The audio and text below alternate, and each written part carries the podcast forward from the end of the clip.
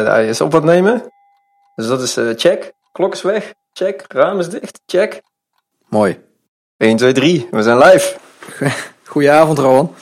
Goedenavond, Jokees. Hoe is het? Ja, lekker. Kijk. Ja. Lekker gewerkt. We hebben, zijn inmiddels uh, uh, naar s'avonds uh, overgestapt. Eerst namen we s morgens op en nu uh, s'avonds.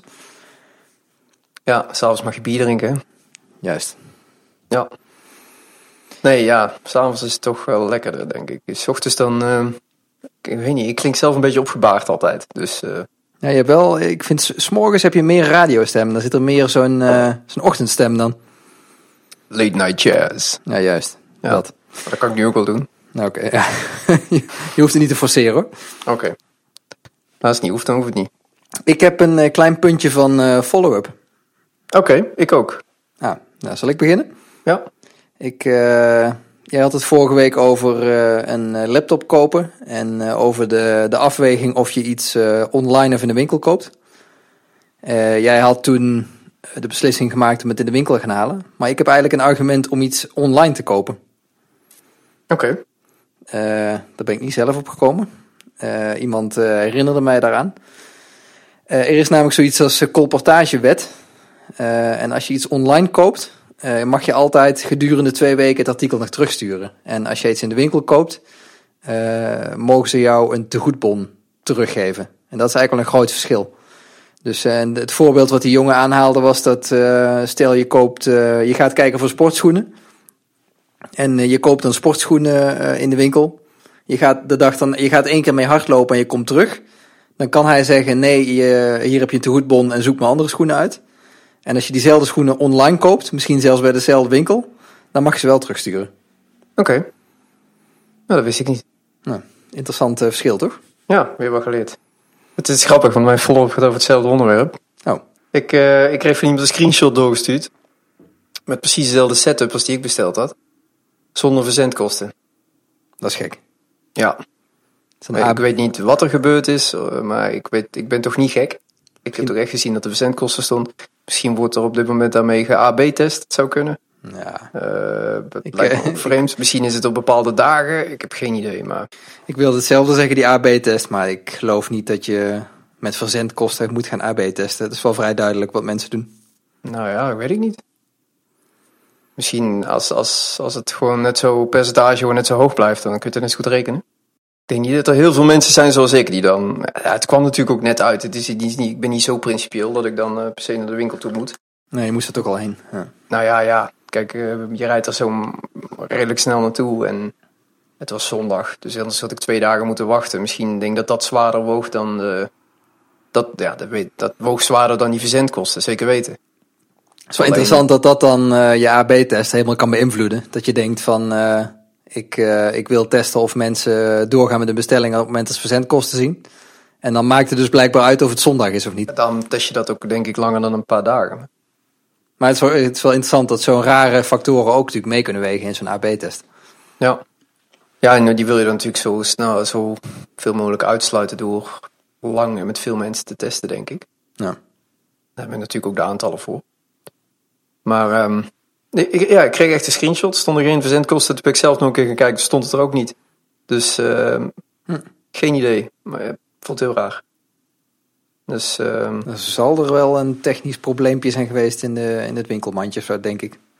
ja, of, wat natuurlijk ook nog zou kunnen. Ik kan even, ik zit even te denken of ik, ehm, je kan dat hele ding doorlopen. Ehm, maar ik weet niet wanneer ik die verzendkosten heb gezien. Of ik toen al, bij wijze van spreken, al mijn gegevens ingevuld had.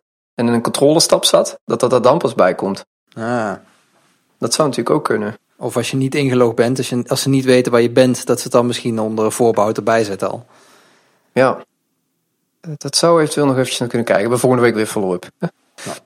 Dus, eh, maar ja, dat vond ik typisch. Ik, ik, ja, ik denk dat er ergens iets, eh, iets dat we iets over het hoofd zien. Maar het ze nou beter.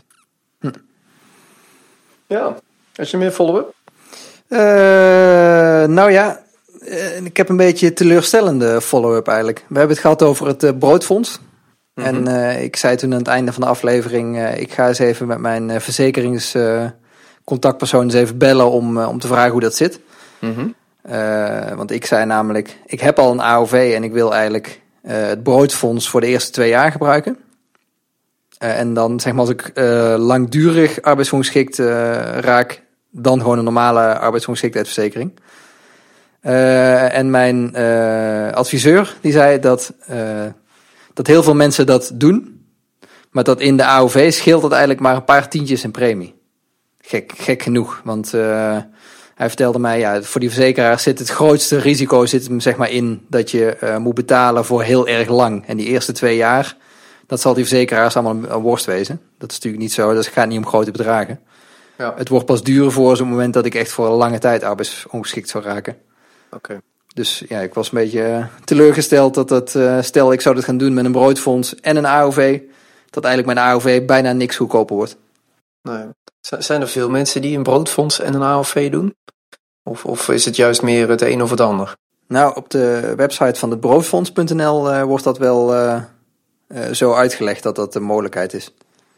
Dat Ik, het eh, een mogelijkheid is om het allebei te doen. Ja, dat, Oké. het, dat het een aanvulling kan zijn. En ik, eh, de mensen die ik gesproken heb die bij een broodfonds zitten, die hebben alleen een broodfonds. Hm. En dat zei mijn adviseur ook al. Dat hij, hij schrikt altijd een beetje als mensen over het broodfonds beginnen. En niet alleen waarschijnlijk omdat hij daar geen geld krijgt. Maar hij zei al van ja, dat is geen vervanging van een AOV. Dat is Een aanvulling. ja, een soort aanvulling. Of dat kan iets zijn om, om in elk geval iets te hebben, zeg maar, als je geen AOV kan betalen. Dat kan natuurlijk ook, hè, als je in een beroepsgroep zit waar, waar het niet zo lekker mee gaat, dat je dat dan kiest. Ja, Maar het is, ja, het is geen vervanging van een arbeidsongeschiktheidsverzekering. oké. Interessant. Ja, heb jij nog iets? Eh, even kijken hoor. Nee. Nee. Ik heb eigenlijk niks. Oké. Ja. Ik heb nog wel dingen waar ik chagrijnig van werd, maar, maar moeten we nou iedere week gaan zitten klagen? Nou, heb je iets leuks? Boah. Ehm, nou, ja. Chagrijnig weet ik er niet van. Ik, ik, ik moest erover nadenken. Ik kwam iets tegen dat heette skillcrush.com. Mijn vriendin stuurde dat door. Mhm. En ehm, waar die op inspeelde is eh, de. ehm, dat is op dit moment een enorme vraag naar developers en designers. Ehm, op allerlei gebieden. Het maakt niet zo uit welke taal of eh, eh, UX of visueel. Eh, het is gewoon superveel werk. Ja. Dat is super positief voor ons. En de mensen zijn niet aan te slepen. Ehm, en wat die gasten doen, die zeggen: bij ons kun je een training volgen, waardoor je vervolgens wel aan de bak komt. Dus eigenlijk is dat bedoeld voor mensen die iets doen wat er misschien tegenaan zit. Dus mensen die bijvoorbeeld in de marketing zitten, of, maar misschien ook wel iets heel anders doen, vuilnismannen. Die op dit moment niet aan het werk komen. eh, die heel veel moeite hebben om een geschikte baan te vinden, maar die tegelijkertijd aan het zoeken zijn en telkens weer die vacature voor die UX-designers of die eh Ruby on Rails developers tegenkomen. Mhm. En ehm, die mensen zijn dus op zoek naar werk en die zien zo'n site en die denken: oké, eh, ik kan daar dus makkelijk een baan krijgen. Want wat zij doen, die zetten dus op de website: binnen drie maanden dan ben je dit. Ja. Of en een bootcamp van tien dagen, wordt er ook gezegd. Mhm. Maar het kan toch? Eh, ja, het kan. Maar ik dacht wel van nou, ik vind wel dat je het heel makkelijk doet lijken of zo. Ja, misschien kan je binnen tien dagen een eh, junior positie innemen bij een, eh, Ja, als, ja, als persoon die banners maakt. Of, ja. Ik, ik, ehm, het, het, ja, het deed me een beetje, het gaf me een beetje een apart gevoel of zo. Hm. Ik aan de ene kant dacht ik van ja, misschien slim. Aan de andere kant, het- de website zelf voelt heel erg, eh, heel erg commercieel. Ehm, dus het is, het is, het is ja, ja, die, zullen er zelf dan, niet eh, zo goed gevoel bij of zo. die zullen dan wel leven van zo'n plaatsingsfee, denk ik. Hoe bedoel je dat? Nou, op het moment dat eh, zij iemand opleiden en plaatsen bij een, eh, bij een groot bedrijf, dat ze dan een fee krijgen over bijvoorbeeld de eerste maand salaris of zo. Dat zie je wel vaak. Dat zou kunnen, maar ik denk dat ze eerder gewoon, eh, dat je gewoon moet betalen voor die trainingen. Oh, op Het die zijn gewoon online Ja. webinars waar je drie, eh, drie maanden training krijgt of zo. Hmm. En dan, en dan ja, dat je dan maar kan beginnen, zeg maar. Ja, oké. Ja, dan, Ja. Als ze niet begeleiden om een baan te krijgen, vind ik het eigenlijk eh, nog slechter initiatief. Ik, ik, ik vond het zelf een beetje ten opzichte van mensen die dit al jaren doen, inclusief onszelf, vond ik het een beetje zo van, nou, binnen drie maanden kun je wat hun kunnen. Dus zo voelde het een beetje. Ik dacht, ja, ja, dat vind ik wel een beetje kort door de bochten, jongens. Ja. Het, ehm, dat, nee, dat, vond ik slecht. dat gevoel had ik erbij. Ik heb, ik heb die hele website door zitten spitten. Ik zag wel een testimonial tegen, kwam ik tegen. En dan was wel een verhaal van vijf jaar terug. Dus dat die mevrouw die had er vijf jaar over gedaan. Dat, dat vind ik realistischer. Uh, dat je de ambitie hebt om zoiets te gaan doen. Maar het is niet zo dat je als je nu, nu geen werk hebt en dan drie maanden die training doet en dan vervolgens in de bak kunt. Ja, het kan, maar dan moet je wel echt heel hard voor gaan, denk ik. En er ook zeker uh, uh, talent of feeling voor hebben. Ik denk namelijk ook niet dat iedereen het kan leren. Dus, uh, nee, nee, dat denk ik ook niet. Nee. Het is wel grappig trouwens over dat omscholen gesproken. Ik heb, eh, ik heb al vaker, vaker hetzelfde mooie verhaal gehoord van iemand die die werkte bij ProRail als, uh, en die had op zijn LinkedIn staan uh, High Speed Rails. En die gast werd continu benaderd door uh, recruiters om te vragen of hij Ruby on Rails ontwikkelaar was.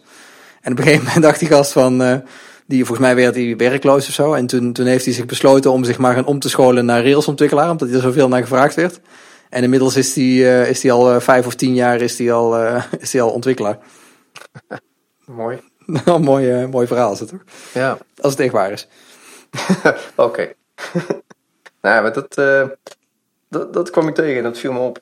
Uh, ja, daar werd ik chagrijnig van. Klein beetje. Dus, ik, had, ik had trouwens ook nog een... ik was een blog aan het lezen en ik las dat in de, de nieuwe Windows... dat ze by default alle, alle toetsaanslagen en history en zo synken naar Microsoft. Daar was ook een hele rel over. Heb je dat gezien? Nee, klinkt eng. Ja, ja dat was ook, uh, was ook op TechCrunch zo stond een heel artikel over. Dat, was, uh, dat lijkt me een beetje uh, veel. Je kon dat wel uitzetten geloof ik onder privacy settings, maar standaard ja. ging die alles doorsturen. Dat is wel een beetje vies. Als zoiets er in verkeerde handen komt hè. Oh.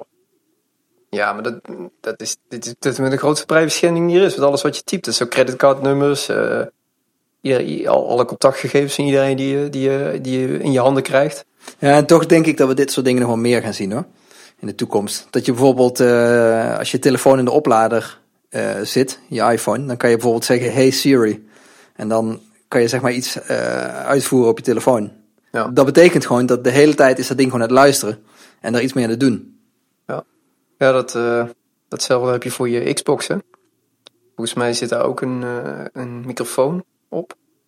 Die, uh, ik, ik, weet niet zeker of die camera dan ook doet, met die, met die Kinect in ieder geval uh, kun je dat ding aan de gang. Uh, nee, Xbox One volgens mij kun je starten door, door er iets tegen te roepen. Ja, dat is hetzelfde. Ja, ja. Het is alleen, ja, hoe gaat men met die data om? Ja. Ja, je zou eigenlijk hopen dat zoiets lokaal zou blijven. Hè? Maar blijkbaar bij Microsoft hebben ze dus besloten bij Windows 10 dat dat...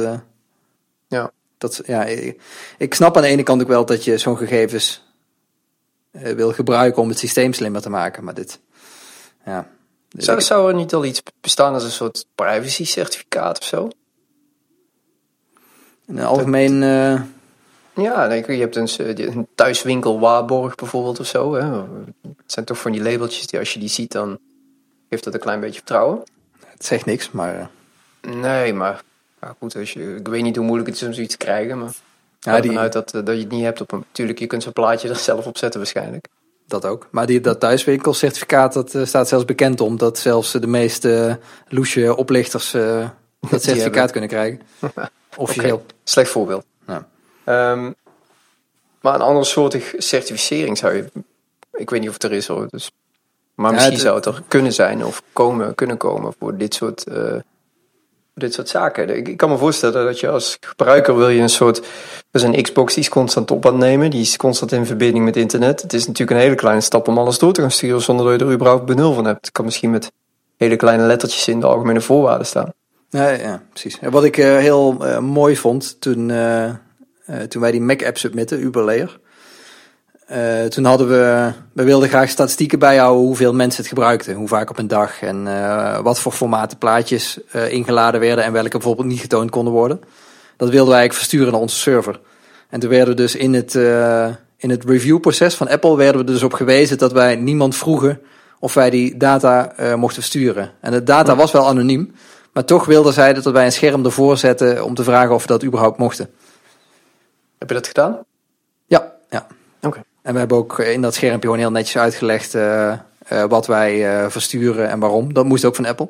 Je moest ook zeggen ja. wat je ermee deed en wat je verstuurde. en daar moest je dus, dan moest je dus toestemming vergeven en je kon in de instellingen kan je dus veranderen of je dat wil, wil blijven sturen of niet. Ja. Goh, ja, ik, ik ben ook benieuwd hoeveel er gebeurt waar je geen weet vanaf hebt. Oh ja, heel veel. Ja.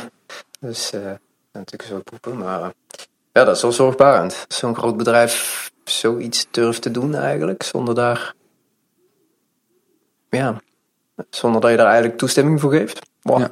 Ja. Dat vind ik wel eng. Dat verwacht je toch van, van kleinere, loesere partijen. Maar Google doet dit, dit soort dingen ook. Hè. Als je, stel je gebruikt Google Analytics in je site. Die kunnen in principe, alles zouden ze kunnen monitoren in je website, wat er allemaal gebeurt. Super slim ja. dat ze zoiets gemaakt hebben. Want uh, toen ze dat, vroeger hadden ze natuurlijk geen Google Analytics, waar ik begonnen met dat uh, zoeken. En ze merkten waarschijnlijk gewoon dat, ze, je zoekt iets en je komt op een pagina en daar hadden ze geen bereik meer. De, daar konden ze niet zien wat de gebruiker deed. Ja. Nou, wat die jongens toen heel slim bedacht hebben, is van uh, wat nou als wij iets maken waardoor ont alle ontwikkelaars die websites maken, onze code erin hangen. Nou, wat we wat willen dat soort mensen hebben? Statistieken. Ja. Dat is echt zo slim verzonnen. Echt een gat in de markt en nog steeds uh, een van de meest gebruikte statistiekenprogramma's. Ja. Programma's.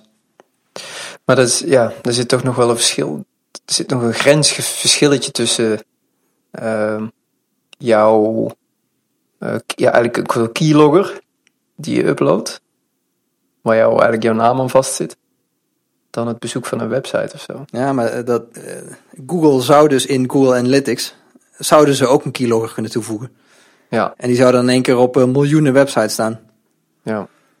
En dan gaan ze ook alweer een stap te ver.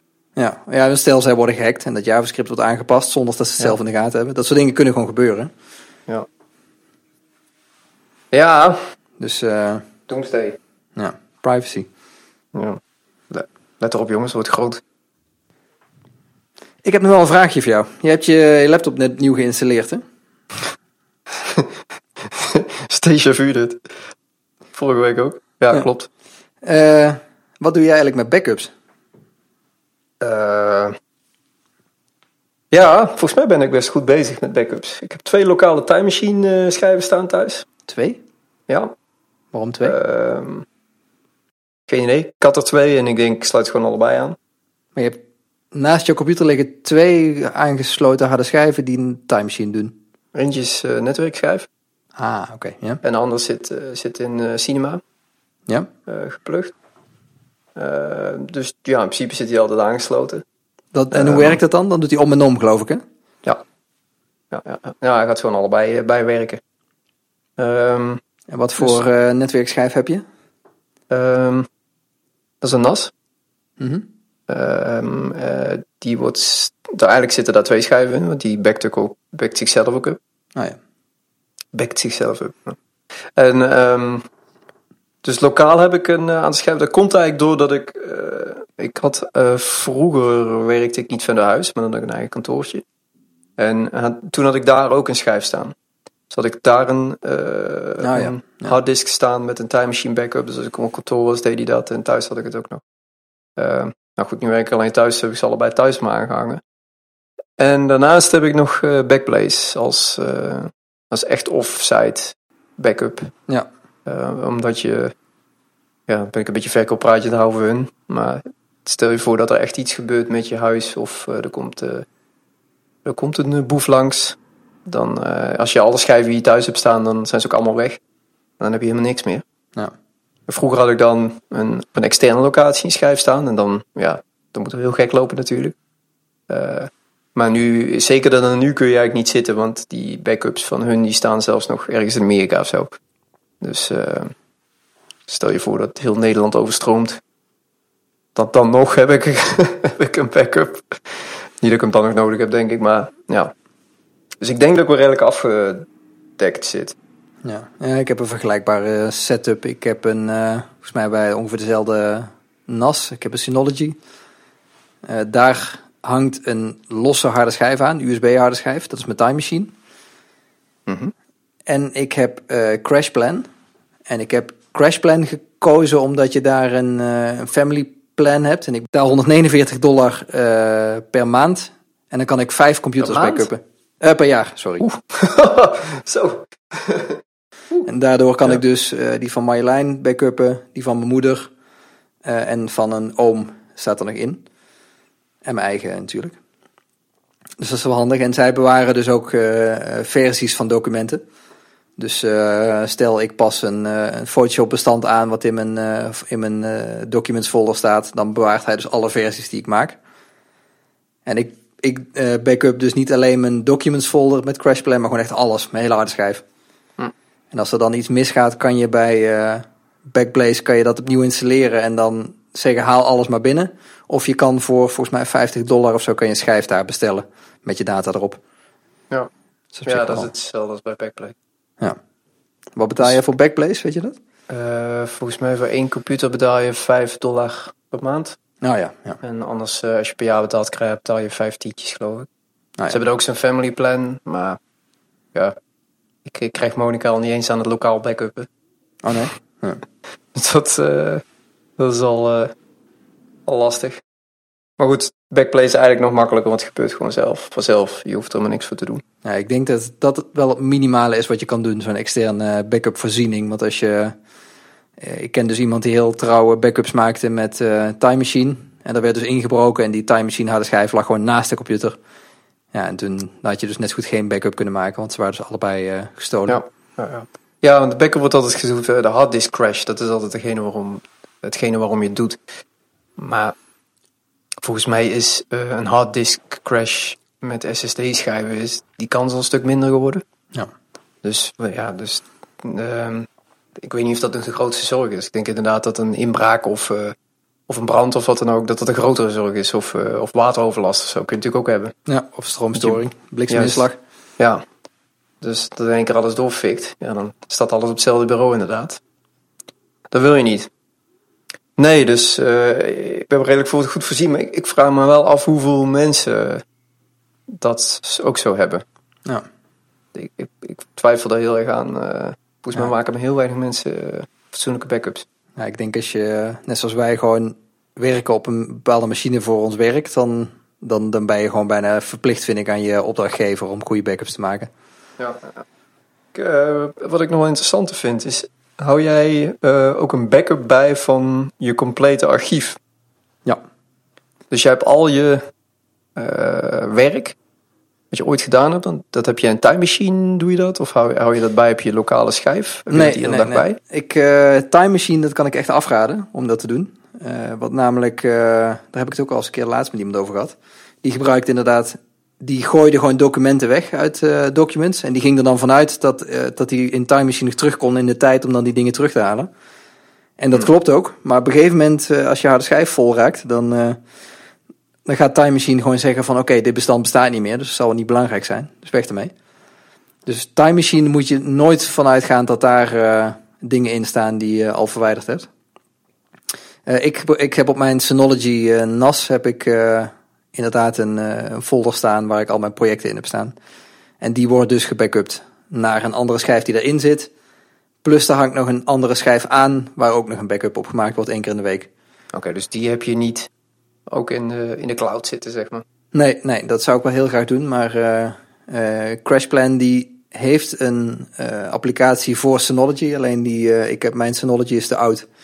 Dus die heeft helaas geen, kan ik helaas niet installeren. Oké. Dat is wel zonde.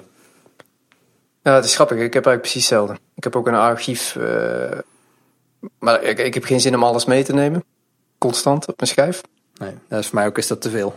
Ja, het is, het is te veel. Het neemt ook ja, te snel veel ruimte in. Op zich denk ik niet dat de schijf er vol van zou zitten. Maar het is gewoon veel. Uh, uh, neemt best veel ruimte in. En ook het overzicht raak je sneller dus ook kwijt. Al, al die mapjes, jaartallen en zo. Dus eigenlijk heb ik alleen het laatste werk heb ik tot bij me. En uh, wat ik wel merk is dat ik rijk. Ben jij daar wel eens in teruggegaan recentelijk? Nee. Nee, nee ik, ik kom er eigenlijk ook nooit meer. Terwijl ik er best wel waarde aan hecht dat het op die schijf staat of zo. Ik, ik heb ook de neiging van, moet ik het misschien gaan backuppen? Maar ik stop dan maar omdat ik denk van ja, ik ben er volgens mij echt in, drie jaar tijd uh, dat ik er naar teruggekeerd ben. Nee, ik denk dat bij mij ook wel zoiets is. Ik heb ook mijn foto's daarop staan en die kijk ik nog wel af en toe. Ja. Een nadeel daarvan is, vind ik, het, het is net niet snel genoeg om lekker foto's op te kijken. Ik heb best wel wat uh, foto's ook met spiegelreflex gemaakt en die, ja, dat... Dat is waar. Ja, dat, is, dat gaat niet lekker over het netwerk heen. Uh. Nee. Ook dat wil je eigenlijk niet helemaal meeslepen constant. Nee. Nee, ja, ik vind het wel heel jammer hoor. Want ik zou heel graag altijd al mijn foto's bij hebben. Maar ja, dat is gewoon te veel. Dat, dat gaat misschien wel om, eh, om 100 gig of zo. Dat is stevig wat, ja. Ja. Hm. Ja, nou, ik ben trots op je. Ja, Alles netjes gebackupt. heerlijk. Ja, het voelt wel fijn hoor. Dus ook als je, omdat ik zo'n crashplan eh aan heb staan, denk ik soms ook wel eens, oh ja, dit staat op mijn desktop en dit gooi ik nu weg. Eh, Als ik het nog ooit nodig heb, dan kan ik het wel terugvinden in crashplan. En ik heb, dat heb ik ook best wel eens vaker al eh, gedaan. Dat ik gewoon echt terugging van, oh ja, vorige maand had ik iets op mijn desktop staan. En, eh, Maar ik heb, eh, ja, ik heb wel eens één keer iets uit Backblaze getrokken trouwens. Ja. Dat is pas één keer gebeurd, maar... Nee, ja, inderdaad. Het is misschien een beetje ziekelijk, maar ik, eh, ik heb een eh, terugkerend to-do-item. één keer in de drie maanden dat ik even een bestand terughaal om te kijken of het nog steeds allemaal werkt. En dat doe Hmm. ik en op mijn NAS en op Crashplan. Oh nee, dat, dat doe ik niet. Nee, ik geloof dat het goed zit. Backblaze stuurt je ook, stuurt je ook gewoon een, volgens mij iedere maand of iedere week een update. Dan, Ja, eh, ja dat krijg ik staat. bij Crashplan ook. Ja. Dus Dat dat kan ik ook eh, zien. Ik kan ook zien als eh, wanneer de, de computer bijvoorbeeld voor het laatst is aangeweest. Ja, Wanneer die voor het laatst heeft gebackupt. Dat is bij Ja, mijn ja, ouders, die hebben niet zo'n hele goede internetverbinding. Dus dan duurt dat soms, is die al een week niet aan het backuppen geweest. bij mij ging het snel dit keer. Nieuw internet. En dat, dat was die uploadsnelheid, joh. Ongelooflijk. Volgens mij had hij in een dagtijd gewoon een hele schijf. eh. Ja, Backblaze, die, die, eh, Ba- Backblaze pakt niet alles up. Wat, een lekker zinnetje zeg. Kan je dat niet eh, aanzetten? Volgens mij wel. Maar dat, eh, dat hoeft voor mij niet per se. Het hoeft voor mij niet zo'n volledige time machine backup te zijn. Maar er zit geen, eh, ook geen bandbreedte limiet op, toch? Nee, nee, nee, nee. Nee. Maar ehm, ik vind het belangrijkste gewoon eh, de documenten voor mijn werk en zo. Ja. Installaties en apps en zo. Dat, eh, Maar het kost Ja. eigenlijk niks, toch? Om, eh, om alles te backuppen. ja, nou, dat ik een keer die folder in moet bij Backblaze om uit te zoeken waar ik dat allemaal aan moet zetten. Dus eh, dat is het enige. Maar ja, ik zie niet zo'n niet zo'n reden om het te doen, eerlijk gezegd. Ik heb, eh, ik heb lokaal een time machine staan waarmee ik eventueel een complete setup terug kan zetten. Ja, nou ja, als ja, je een dat keer, verwacht ik niet nodig te hebben voor Backblaze. Dan nog een keer. als je systeem een keer crasht, dan ga je ook Time Machine gebruiken om terug te zetten, niet zo'n online service. Nee, daarom dus.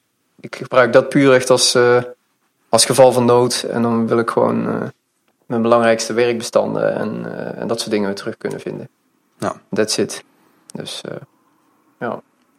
Ik heb nog één, nog één tip, misschien kunnen we daarmee afsluiten, want ik, nou, want ik heb van wat mensen gehoord dat ze een half uur een mooie link te vinden voor een aflevering.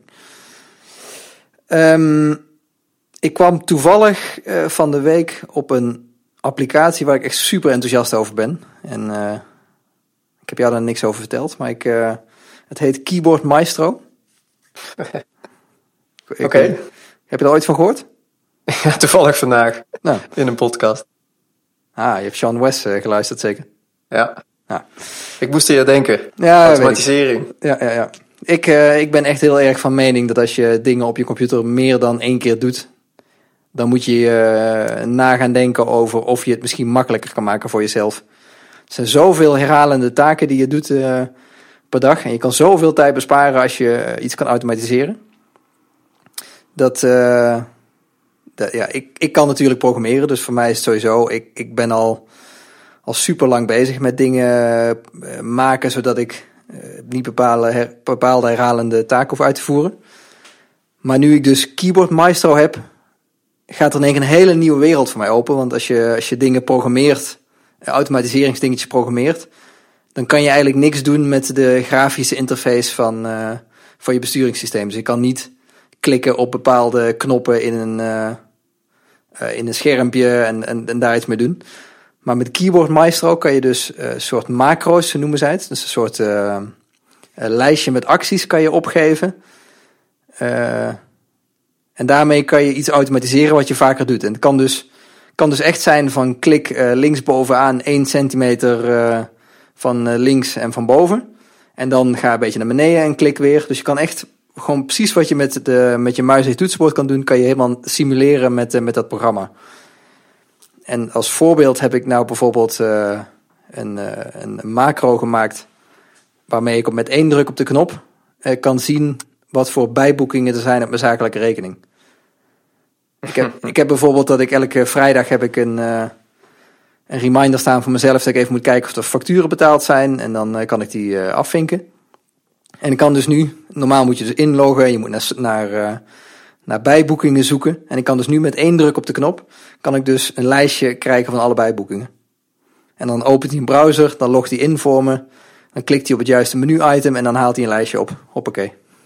Lekker. Dat is wel handig. Super handig. En ik heb bijvoorbeeld eh, ik heb een applicatie waarmee ik kan eh, documenten scannen. En daar zit een beetje een gekke interface in. En je moet op een aantal dingen moet je altijd klikken eh, voordat je een document kan scannen. En ik heb nou met een, sneltoets, als ik in het programma zit en ik druk op Ctrl S, dan klikt hij van mij op de juiste menu-items al. Dus dat hoef ik ook steeds niet meer te doen. Dus ik kan op het moment, ik steek nu een document erin, Ctrl S, hup, scan, klaar. Ja. Ja, mooi. Ik hoorde het vandaag ook en ik eh, werd er ook wel enthousiast over. Ik, ik kon alleen voor mezelf niet zo snel de scenario's bedenken. Dat is iets waar ik wel even mijn ogen voor open moet houden, denk ik. Ja. De komende Ja. tijd. Dat je denkt van, oh, is dit iets wat ik vaker doe? Dan, ehm, dan moet ik dat zeker eventjes naar gaan kijken. Nou, ik heb er nou bijvoorbeeld ook eentje gemaakt, die heb ik net gebruikt. Eh, ik heb een eh, workflow die heet starten met podcasten. en dan opent hij Skype, sluit hij alle andere programma's. Hij opent Things in het juiste project. En hij sluit eh, Google Drive, Google Dropbox, CrashPlan en mijn Time Machine Backup. Nou ja. Misschien moet ik die ook in hebben dat dan ook mijn klok verwijderd wordt van de muur hier thuis. Ja, en de deur dicht gaat en eh, De deur dicht gaat en dat ik op record druk. ja, Ook handig. ja. Eh, En dat raam dicht toe. Dus dat, dat is echt een tool waar ik echt super enthousiast over ben. En het, met deze tool kunnen dus mensen die, die niet kunnen programmeren, kunnen ook in één keer dingen automatiseren. Je, ja, je kan dus Ja. elke taak eigenlijk die je op je computer doet, kan je eh, automatiseren. Ik vind het een goede tip. Ik vind het een mooie afsluiter. Zo Jan Kees, waar kunnen mensen ons eh, vinden? Online en op de internet. Ja, dat is wel leuk. We krijgen steeds meer eh, reacties op de podcast. Eh, en wij vinden het eigenlijk heel erg leuk als we, als we horen wat jullie van de uitzending eh, vonden. En als jullie vragen hebben of opmerkingen, kunnen die naar hallo.uitgeklopt.nl. Mag ook een eh, audio-opname zijn. Ja. Het is helemaal cool, dan kunnen we het eh, afspelen. Ja, dus als je een vraag hebt die we in de uitzending kunnen behandelen over een van de onderwerpen waar wij over praten, mag trouwens ook iets anders zijn. Maar... Ja. Als je een relatieprobleem hebt of zo, willen wij het graag wat je over hebben. Ja, dus eh, dan kan je een audiobericht sturen. Dat kan naar hetzelfde e-mailadres.